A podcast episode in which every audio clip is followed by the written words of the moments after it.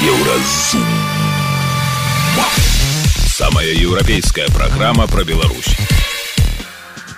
Вітаю, гэта праграма Еўразум. І самыя важныя падзеі і сэнсы панядзелка 8 студзеня.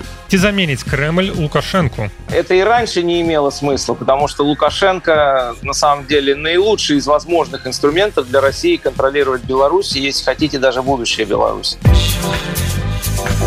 Навошта беларусы захейтили гурт Нискис? Триггернуло, возможно, из-за того, что это случилось сейчас, такие дни надежды. Потому что смена года, и хочется оставить все плохое в уходящем году, и поэтому надежда такая снова как будто просыпается. Лукашенко ты мой абярег крынж тыдня. Не ведаем навошта яны записываюць гэты сумны бюрократычны крынж. Але ім будзе вельмі складана пераплюнуць яго ў наступным годзе калі зверху ізноў прыйдзе разнарадка на навагоднія звароты. Пра гэта ды іншае больш падрабязна цягам бліжэйшай гадзіны. Еўразум. Беларусь у еўрапейскім фокусе. У апошні час на захадзе ўзмацняюцца правацкія і антыэмігранцкія настроі, а палітыкі папулісты набываюць усё большую папулярнасць. Да ўсяго па назіраннях экспертаў актывізаваліся і даволі паспяхова дзейнічаюць прарасійскія прапагандысты і лабісты. А стомленасць ад вайны заходняга грамадства прыводзіць да таго што галасы за перамовы з пуціным на ўмовах Масквы гучаць усё грамчэй Ці сапраўды існуе небяспека прыходу да ўлады папулістаў у краінах ЕС і ЗША і якія пагрозы гэта можа мець для беларусаў за мяжой. ці гатовы захад да доўгай вайны ва ўкраіне На гэтае ды іншае пытанне нашага рэдактара з метра Лукашука адказвае дырэктар даследчых праграм усходняга суседства і рассіі фінскага інстытута міжнародных адносін Аркадь Мошас. На новы год. З чым мы выйшлі у гэтым вот менавіта пытанні войны то есть вот захад перагледзеў свае пазіцыі прыйшоў да нейкіх высноваў. Чаго чакаць? Тому что ЗША уже заявілі что у тым аб'ёме у якім падтрымлівалі Украіну у мінулыя гады такого аб'ёму не будзе. Чаго чакаць вот у гэтым накірунку?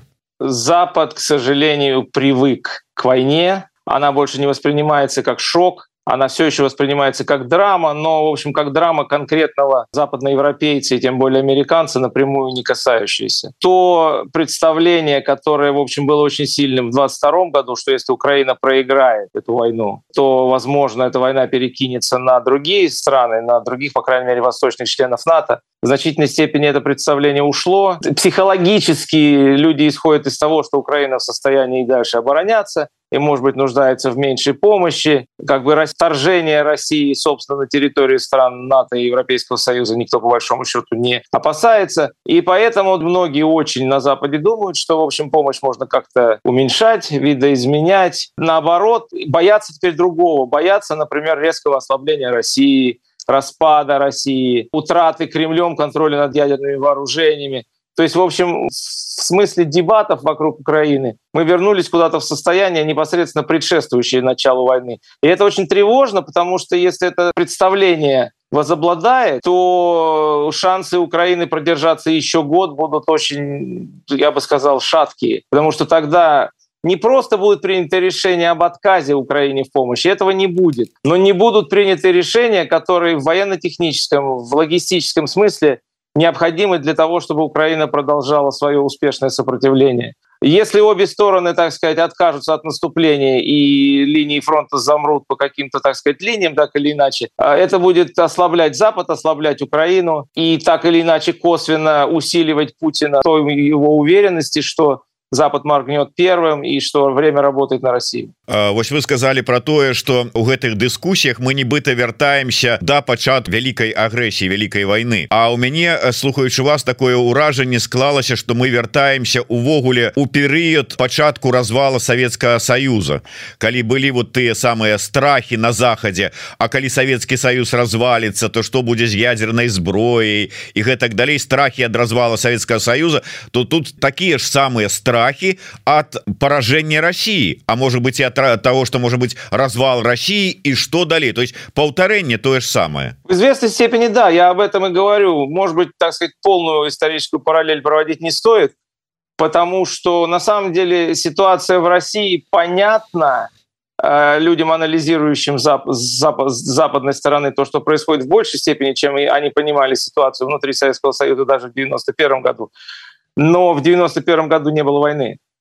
Э, поэтому как бы мы можем какие-то факторы сходства для себя найти и отметить, но в целом, конечно, ситуация не повторяется, она в реальности сейчас гораздо более драматичная. И достаточно людей, как бы, которые начинают говорить, вот в Германии вышел доклад примерно там месяц назад, э, и в обществе внешней политики немецкой, э, где авторы прямо говорят о сроках, что если Россия сейчас победит в Украине, то через 6-10 лет, которые, 10 лет, которые ей понадобятся для того, чтобы восстановить свой военный потенциал, не просто можно, а следует ожидать э, войны между, так сказать, НАТО и Россией, и, соответственно, что Бундесвер должен полностью пересмотреть э, свои методы и планы подготовки. И, в общем, знаете, люди это читают, и как какой-то такой вот совет инопланетян и марсиан уже не воспринимают. Ну, начинают об, об этом задумываться. Здесь разница, поэтому, конечно, есть но одновременно все равно мы никуда не можем деться от того, о чем мы говорили раньше. Большое количество, слишком большое количество а, граждан Европы, а в одних странах это больше, в других странах меньше, но они как бы находятся в плену а, вот этой эйфории от украинского успеха и, и не верят в то, что если Россия э, России понадобилось бы потратить столько ресурсов и времени на покорение части даже Украины – то она осмелится там в каком-то обозримом историческом периоде напасть на НАТО.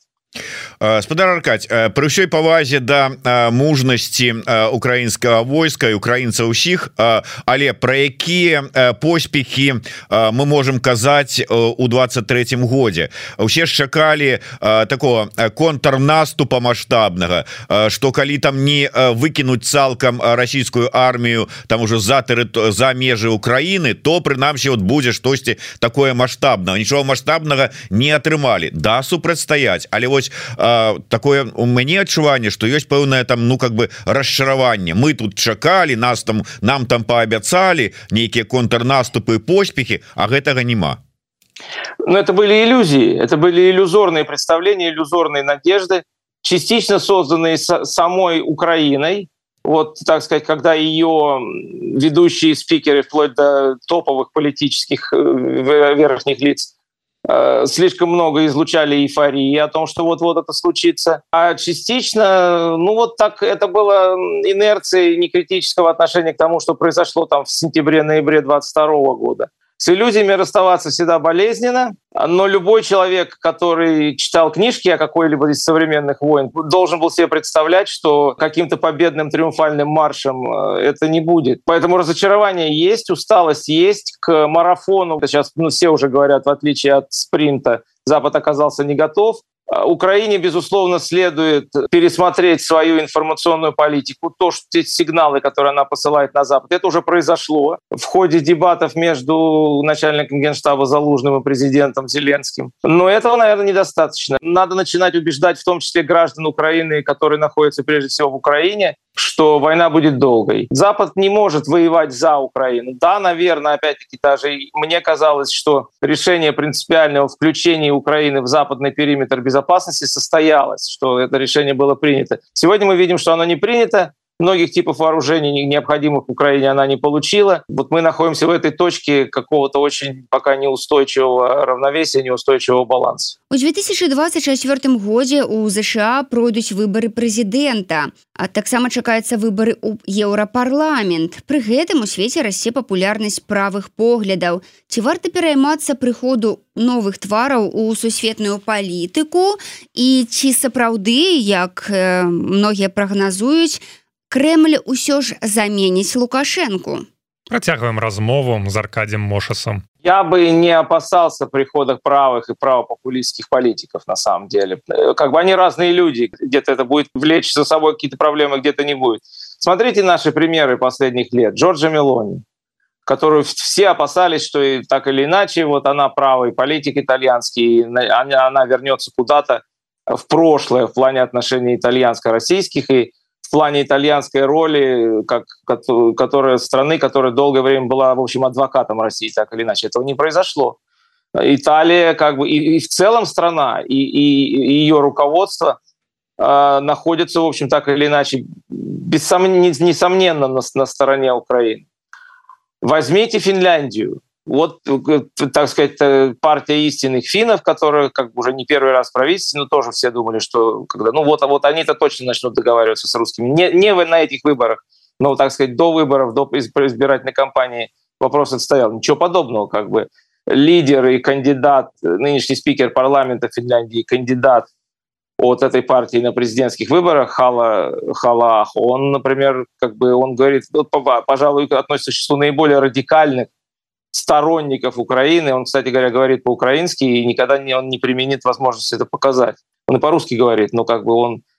Ну, я не буду сейчас уходить в детали, так сказать, внутренних, здешних вещей. Я вам больше скажу. Я, например, принадлежу к людям, которые считают, что приход Трампа совершенно не будет такой уж на практике хорошей новостью для россиян. Они и в прошлый раз очень радовались и открывали шампанское в Государственной Думе, Окончилось это массовыми высылками российских дипломатов, так сказать, ударами по российским наемникам в Сирии. И самое главное, предоставление Украине тех самых джавелинов, которые, собственно, спасли ее в первые дни войны. А демократическая администрация Обамы, которая была перед ним, ничего подобного не делала. Вот она-то как раз исходила из того, что перезагрузка не перезагрузка, а как-то договариваться надо. Трамп придет, ну, к примеру, наговорит кучу всяких ярко звучащих лозунгов, потом выяснит, что никакой сделки с Россией быть не может, просто Путин не в том состоянии, чтобы ему что-то уступать, и поменяет свои подходы на 180 градусов. Я не боюсь правых популистов. Э, я, я бы в большей степени боялся, если бы пришли ультралевые популисты, потому что с такими людьми мне приходится разговаривать так или иначе. И вот э, их инфантильность на самом деле, она чудовищная, потому что они говорят хорошие вещи. Они говорят, ну смотрите, сколько там детей можно накормить, если не поставить там один или два на, на деньги, которые тратятся на производство одного снаряда или одной ракеты. Спорить с этим нельзя, это, в общем, какая-то очень общая гуманистическая позиция. Ну, вот на этом их кругозор, он и заканчивается. То есть понимание того, что нельзя без оружия жить в мире, где так или иначе ваши соседи, ближние или дальние, вооружаются, вот это к ним не проходит. То есть еще раз говорю, будут, наверное, и должны быть неприятные, так сказать, сюрпризы или новости, которые будут приходить от прихода к власти правых, но не в них проблема напрыканцы года э, нарабіла шуму адна з э, прогнозаў аднаго з заходніх экспертаў аналітыкаў дзе была закранута і Беларусь у тым ліку э, сярод прогнозаў датычных Беларусі былі словы про тое что не выключана уцягванне беларускай армії у канфлікт ва ўкраіне что по загадзе Путина лукашенко ўсё ж таки накіруе туды войскі Ну і ввогуле шлі размовы про тое что калі ён там пачне супраціўляцца там ці яшчэ что-небудзь то ажно до того каб смесціць лукашенко Кремль на гэта пойдзе Як вы лічыце наколькі вось абодва гэтыя сцэнары верагодныя Ну вы знаете мою позицию я ее высказал на протяжении в общем наверное не одного десятилетия я не вижу смысла для господина Путина ни в том чтобы давить на Беларусь с тем чтобы получить непосредственное вступление в боевые действия белорусских вооруженных сил серьезный анализ показывает что максимум Беларусь может выставить там 9 9-10 тысяч человек боеготовых. Это не те цифры, которые что-либо меняют. России нужна белорусская территория, и она ее имеет и контролирует. Она всегда ее может использовать при Лукашенко для проведения тех или иных враждебных действий для Украины. Но нет необходимости в привлечении непосредственно э, белорусских вооруженных сил, белорусских формирований. Что касается замены Лукашенко, это и раньше не имело смысла, потому что Лукашенко на самом деле наилучший из возможных инструментов для России контролировать Беларусь, если хотите, даже будущее Беларуси любая смена коня на переправе в нынешних условиях, она чревата рисками.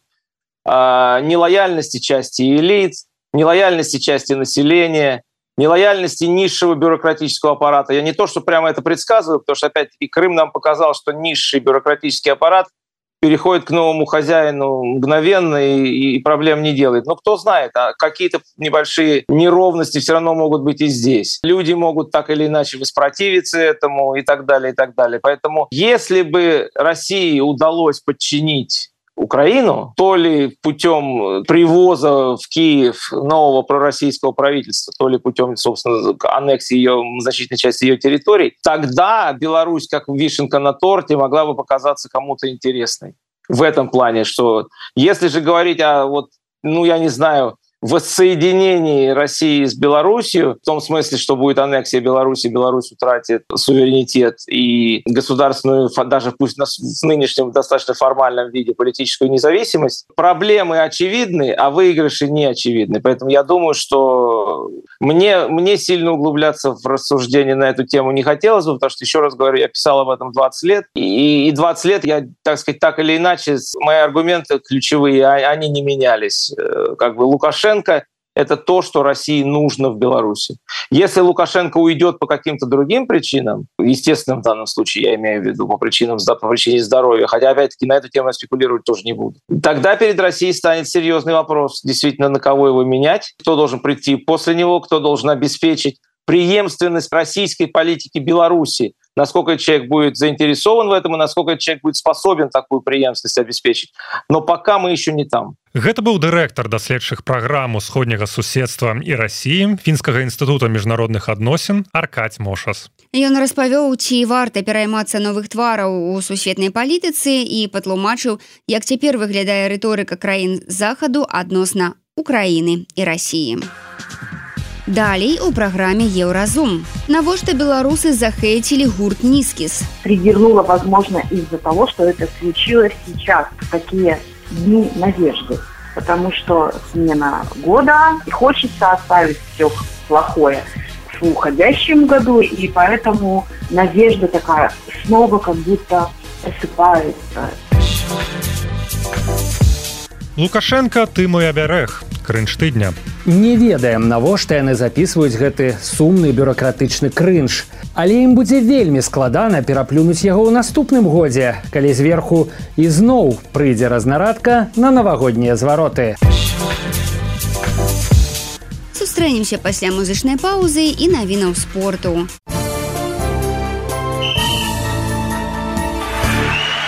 На еўрарадыё навіны спорту у У абноўленым рэйтынгу жаночай тэніснай асацыяцыі Арына Сабаленко другая, Вікторыя Азарынка 22. Першай ракеткай свету па-ранейшаму з'яўляецца і гасвёнтак з Польшчы. На трэцяе месца паднялася Алена Рыбакіна з Казахстана, якая ў фінале турніру ў брызбене разграміла Сабаленко. У тэнісістаў прафесіяналаў лідырае серп Новак Джокавіч. Беларусы ля Івашка на 182 месцы. У баскетбалістаў мінска ў чэмпіянаце адзінай лігі ВТБ ўжо 20 паражэнняў запар. На гэты раз яны саступілі ў Екатеринбургу уралмашу 72 104. Хакеісты мінскага дынама ў чэмпіянаце кахайл у ніжнім Ноўгарадзе абыгралі тарпеда 52. Дынамаўцы па-ранейшаму займаюць восьмае месца ў заходняй канферэнцыі. 9 студзеня яны прыймаюць аднаго з лідараў маскоўскі спартак. У паўфіналах кубка беларусі па міні-футболе сустрэнуцца сталіца і гомельскі врз мінск і аршанскі вітэн матчы пройдуць 13 студзеня ў магілёўскім спарткомплексе алімпіец Па выніках галасавання спартыўных журналістаў краіны абралі найлепшы гол беларускага футбольнага чэмпіянату. Яго аўтарам з'яўляецца ўжо былы паўабаронца слуцка Дмітрый гірс. Ён вызначыўся ў матчы з наваполацкім нафтанам, калі здзейсніў сольны праход са сваёй паловы поля і трапна ударыў. Гэта былі навіны спорту, заставайцеся на еўрарадыё.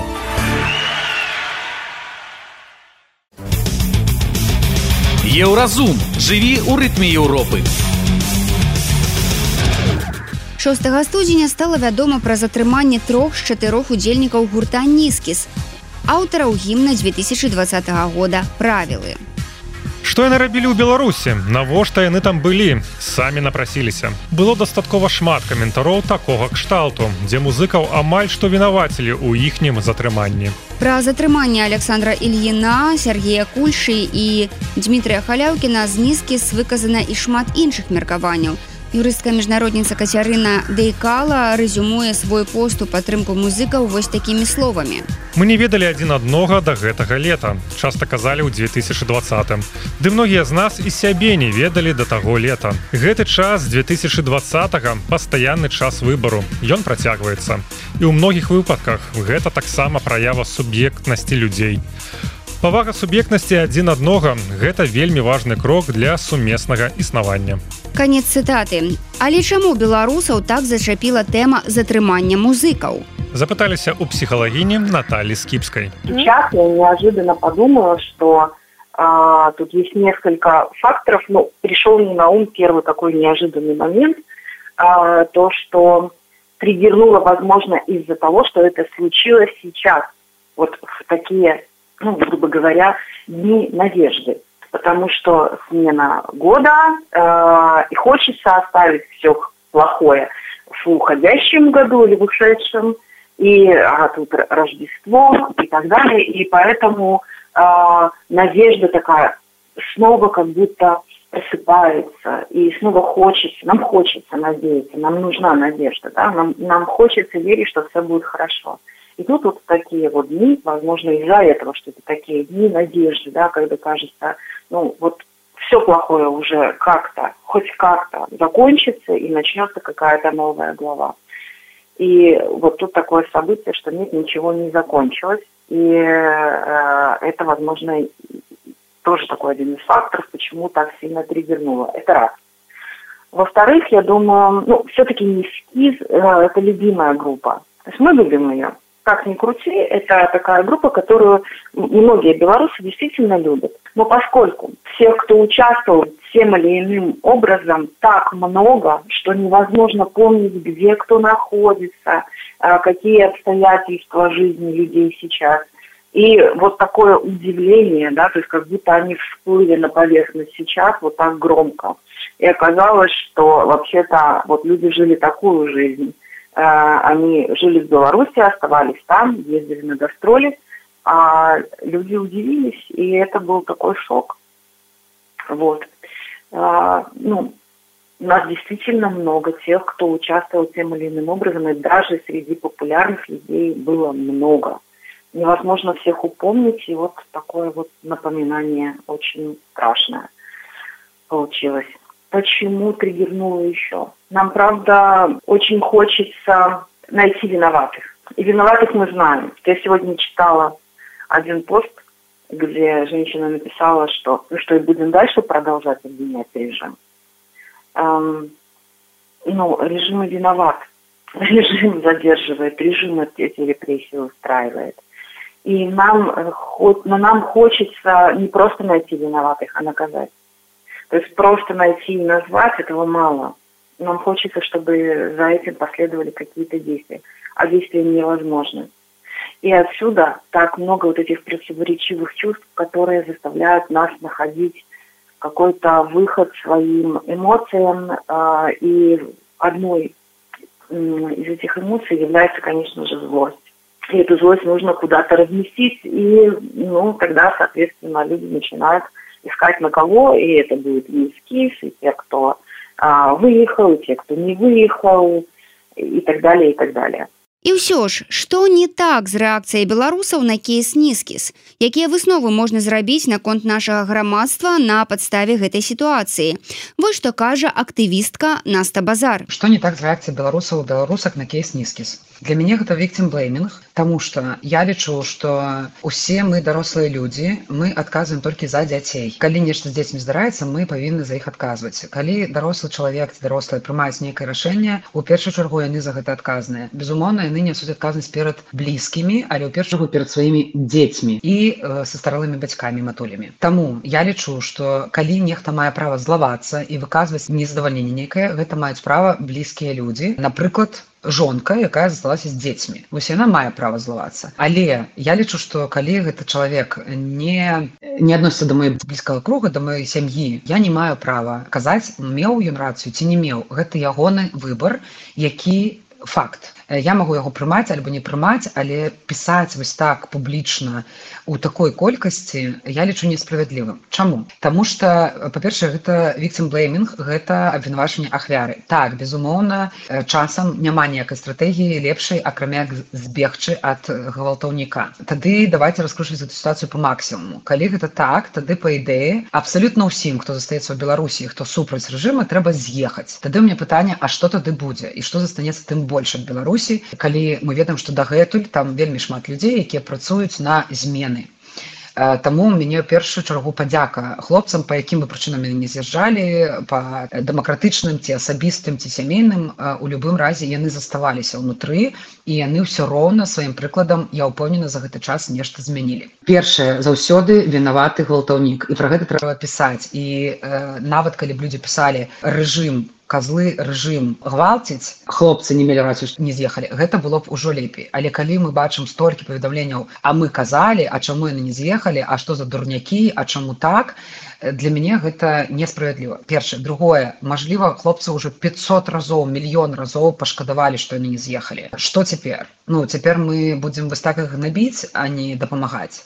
І тады для мяне наступнае пытанне. Пытанне э, пра уладу лада гэта заўсёды ресурсы пытанне як мы іх выкарыстоўваем.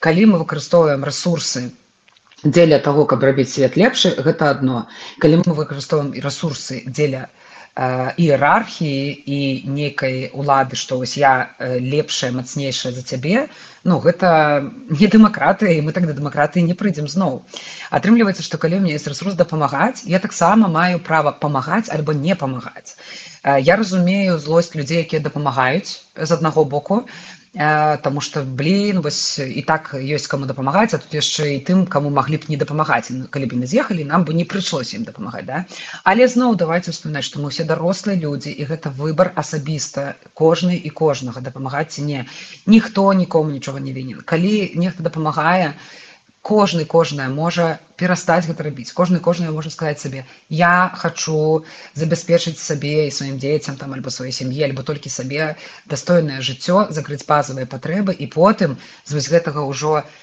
напоўненасці жыцця маючы ресурсы дапамагаць.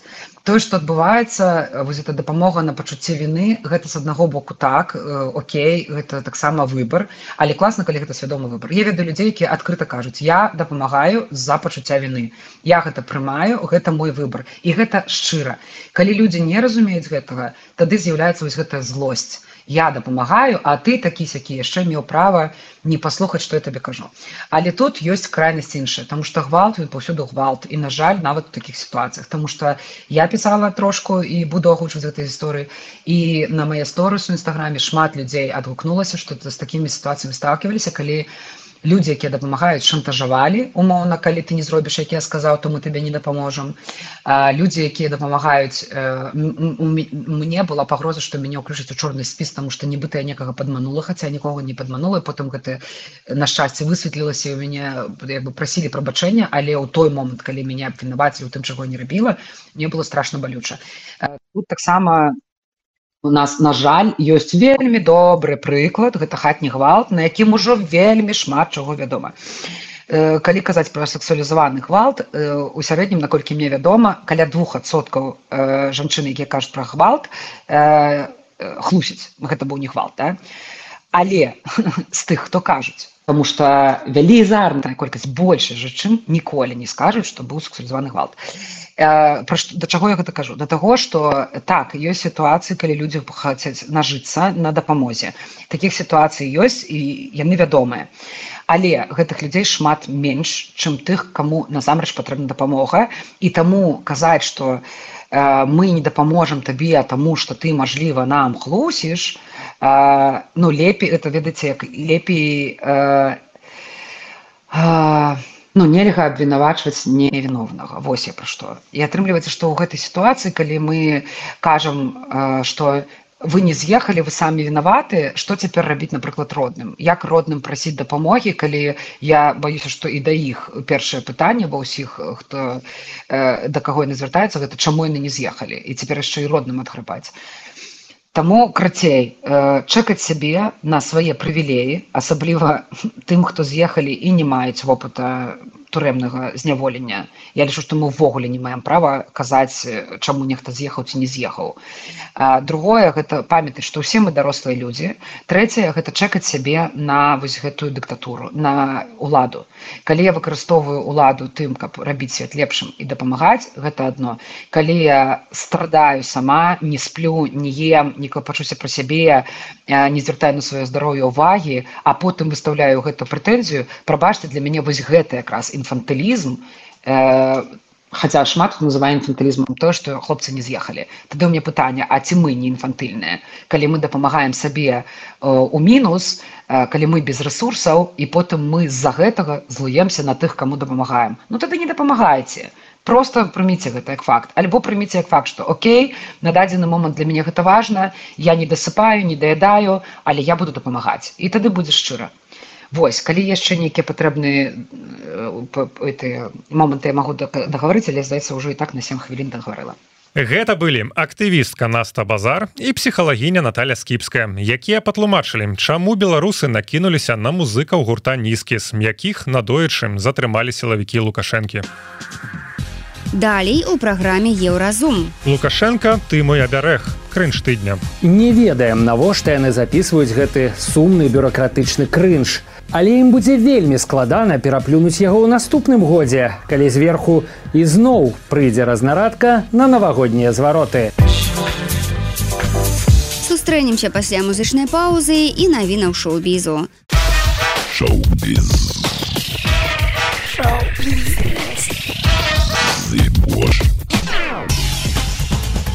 навіны шоу-бізу на еўрарадыё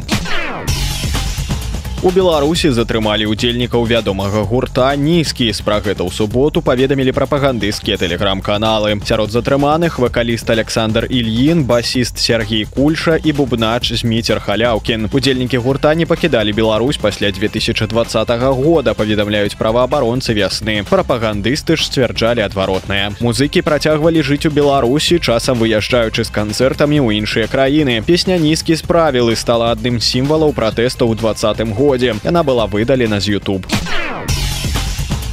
блокбастер баёпік крыстафера нолана опенгеймер чакана стаў трыумфатарам 81 залатога глобуса атрымаўшы 5 узнагарод уключаючы лепшы драматычны фільм а чорная камедыя йорха салантимаса бедныя няшчасныя абышла стужку барбі у катэгорыі лепшая камедыя нолад забраў узнагароду за лепшага рэжысёра а выканаўца галоўнай ролі кіліан мёрфі быў прызнаны лепшым драматычным акцёрам фільм беды няшчасныя што атрымаў летась галоўную узнагароду венецыянскага кінафестывалю акрамя акрамя перамогі ў катэгорыі лепшая камедыя або мюзікл узяў таксама залаты глобус у намінацыі лепшая актрыса тут выбар журы спыніўся на эмі стоун Брытні спірс абвергла чуткі аб новым альбоме шчырым паведамленнем у нстаграм заявіўшы што ніколі не вернецца ў музычную індустрыю адказваючы на пытанне аб яе патэнцыйным супрацоўніцтве са спявачкамі чарлі xx і джулей майклс спірс падкрэслівае што яна засяроджана на напісанні тэкстаў хутчэй для іншых выканаўцаў спявачка распавяла што напісала больш за 20 песень за апошнія два гады яна таксама звярнулася да каментатараў якія сцвярджалі што кніга жанчына ўва мне была выпушчана без яе згоды гэта далёка ад ісціны напісала спірс кніга стала нацыянальным бестселлерам за першы тыдзень было прададзена больш за мільён асобнікаў Праз 47 гадоў пасля смерти Элвіс Прэслі вяртаецца на сцэну. Сёлета ў лістападзе адбудзецца прэм'ера шоу Элвіс Эвалюшн эмерсіўнага канцэртнага досведу, як яго называюць арганізатары. Гледачы пабачаць на сцэне паўнапамерную галаграму музыканта, створаную на аснове шматлікіх хатніх фатаграфій і відэазапісаў. Шоу запланаваныя таксама ў лас-вегасе, Токія і Берліне. Такая ідэя ўзнікла ў арганізатараў пасля поспехаў праекта шведскага гурта Аба, дзе на сцэну праецыраваліся з'явіліся галаграмы удзельнікаў у маладосці. Гэта былі навіны шоу-бізу, заставайцеся на еўрарадыё.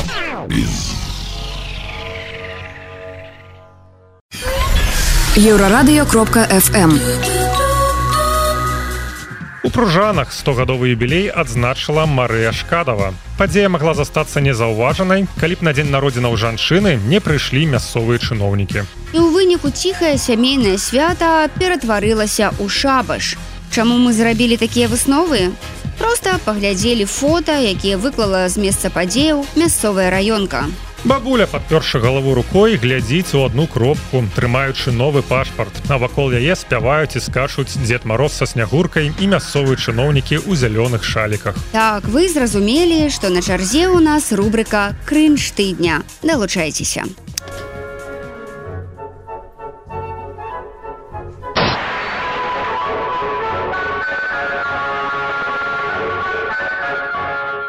Прывітаннечка, гэта крынж тыдня, праграма на еўрарадыё, дзе мы смяемся з нахабнай махровай прапаганды.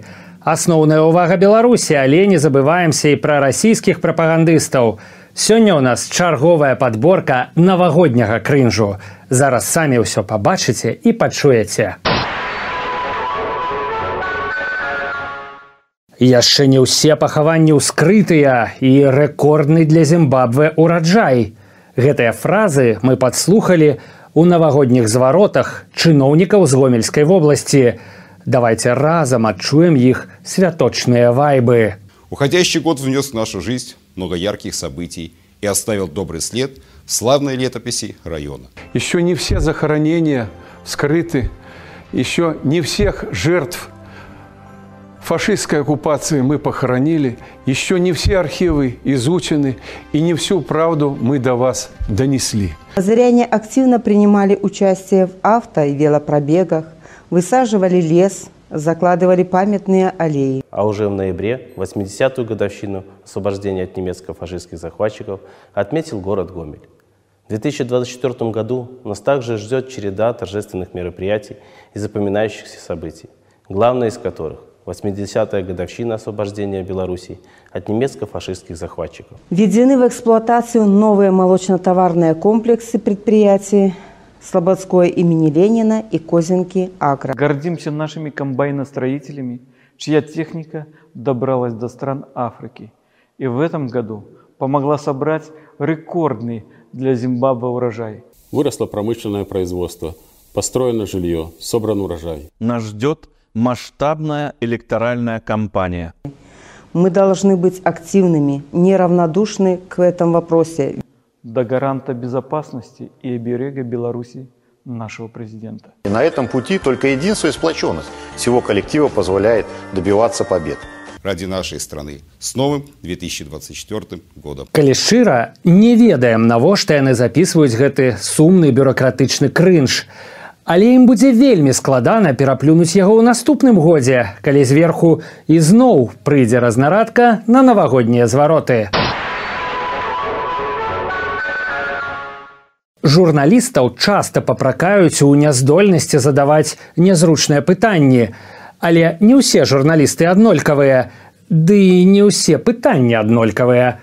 Паглядзіце, як Герман Напольскі урываецца ў міліцэйскую прэс-канферэнцыю пра тое, як у Беларусі прайшла навагодняя ноч. Газета «Евразийская правда». Скажите, совершались ли э, преступления в новогодних костюмах? Ко мне вопрос, я так полагаю. Нет, таких фактов не зарегистрировано было. А, а были ли э, нетрезвые Деды Морозы и Снегурочки? Ну, полагаю, что были, но сотрудниками органов внутренних дел не задерживались и не документировались. Але калі вы думаеце, што на гэтым пытанні ў напольскага скончыліся, дык вы памыляецеся. Вось ён дабівае таварыша палкоўніка. И еще вопрос. Э, Скажите, были ли случаи наподобие самостоятельных обращений в в медвотрезвители? Таких случаев не было. Герман Напольскі вядомы ў журналісцкім коле фрык, які прадстаўляе то газету расійскія карейцы, то крысціянскія ведамасці, то вось як цяпер еўразійскую праўду. Але ці ведаюць пра гэта ў міліцыі, як бы там яго рохканне не палічылі за здзек над сабою любімымі, неяк цяпер боязна за будучыню журналіста.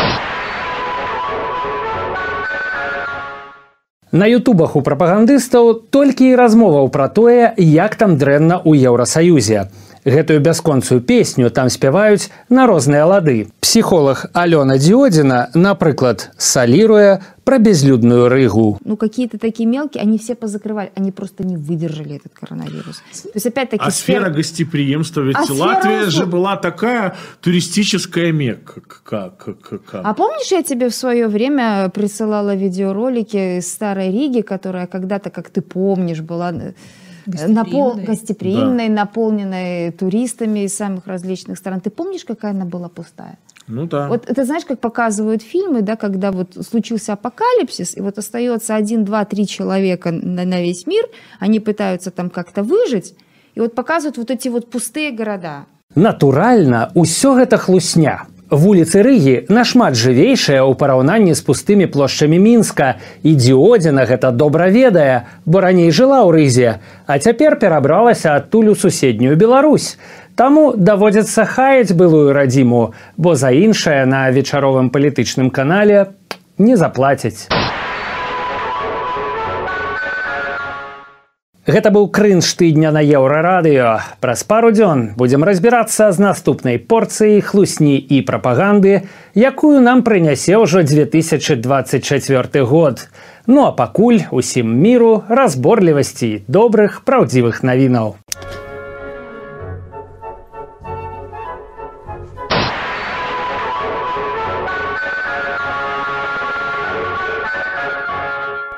Еўрарадыё.